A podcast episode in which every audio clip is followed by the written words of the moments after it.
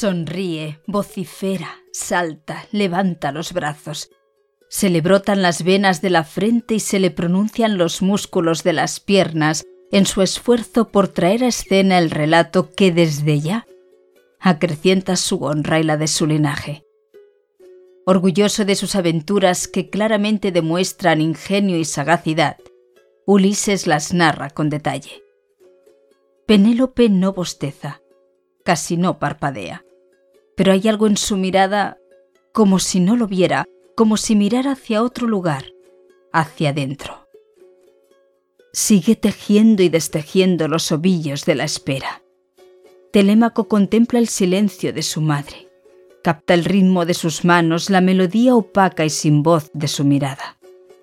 Espera, él también espera, el gesto de alguno de los dos que quiebre el bucle de la puesta en escena de su padre, esforzado, sin más ingenios para recuperar la mirada de Penélope.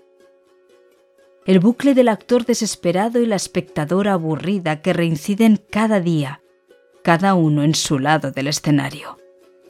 Que él le pregunte o ella le haga saber que también pasaron cosas en casa, en esa silla, en los parajes interiores donde se pierde su mirada, y que ella, también ella, tiene una historia por contar.